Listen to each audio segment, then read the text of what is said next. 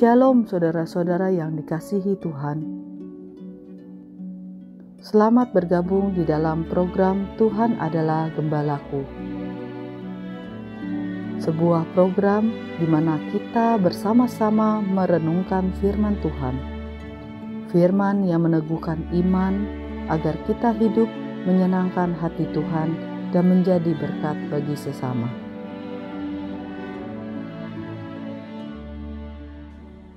Shalom saudara-saudara yang dikasih oleh Tuhan. Bersyukur hari ini di dalam anugerah Tuhan kita bisa berjumpa lagi di dalam program Tuhan adalah gembalaku. Saudara-saudara, pernahkah saudara memikirkan mengapakah selembar kertas bisa digunakan menjadi sepucuk surat yang sangat berharga? Bukankah karena sehelai kertas itu begitu bersih sehingga kertas itu bisa ditulis dengan baik. Pernahkah saudara berpikir, mengapa saudara bisa bercermin dengan begitu baik di depan cermin untuk melihat wajah saudara? Saudara, bukankah karena cermin itu bersih, sehingga dia bisa merefleksikan wajah saudara yang sebenarnya? Saudara-saudara yang kasih dalam Tuhan, betapa penting sesuatu yang bersih untuk menjadi berguna. Saudara, hari ini kita akan memikirkan betapa pentingnya kita memiliki hati yang bersih. Saya mengajak saudara kita membaca firman Tuhan dari Injil Matius pasal yang kelima ayat yang ke-8. Saudara demikianlah perkataan Tuhan kita Yesus Kristus. Berbahagialah orang yang suci hatinya karena mereka akan melihat Allah. Sekali lagi, sekali lagi saya bacakan bagi saudara-saudara. Berbahagialah orang yang suci hatinya, karena mereka akan melihat Allah.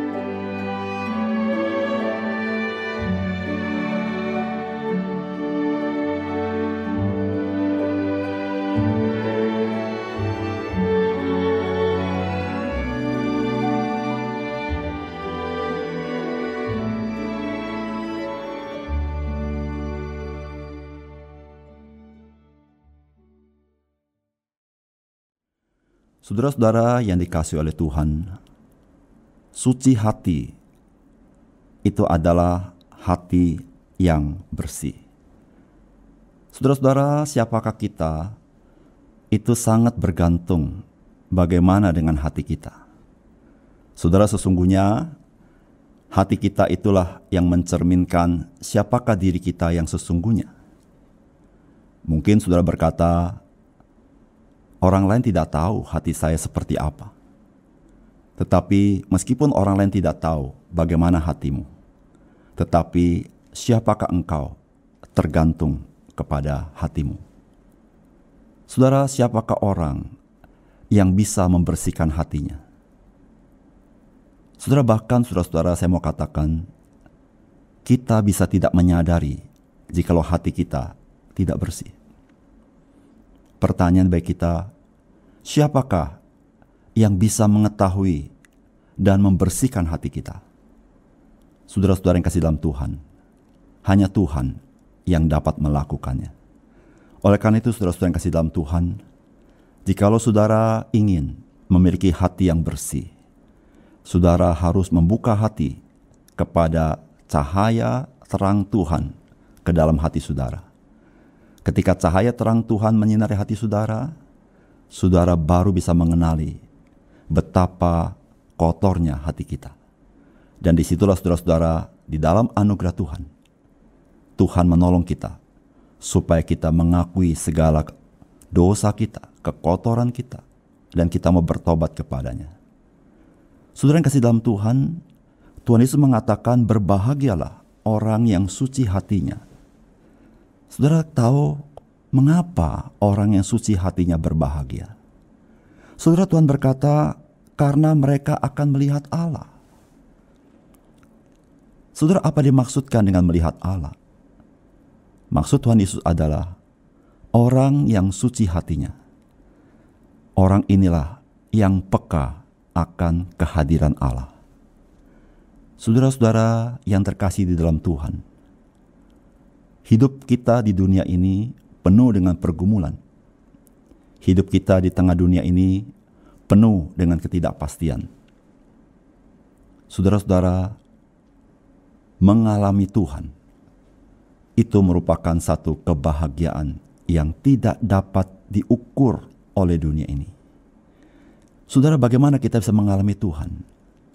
Kecuali hatimu bersih. Ketika hatimu bersih, saudara-saudara, engkau peka akan kehadiran Tuhan. Saudara yang kasih dalam Tuhan, mari kita datang kepada Tuhan.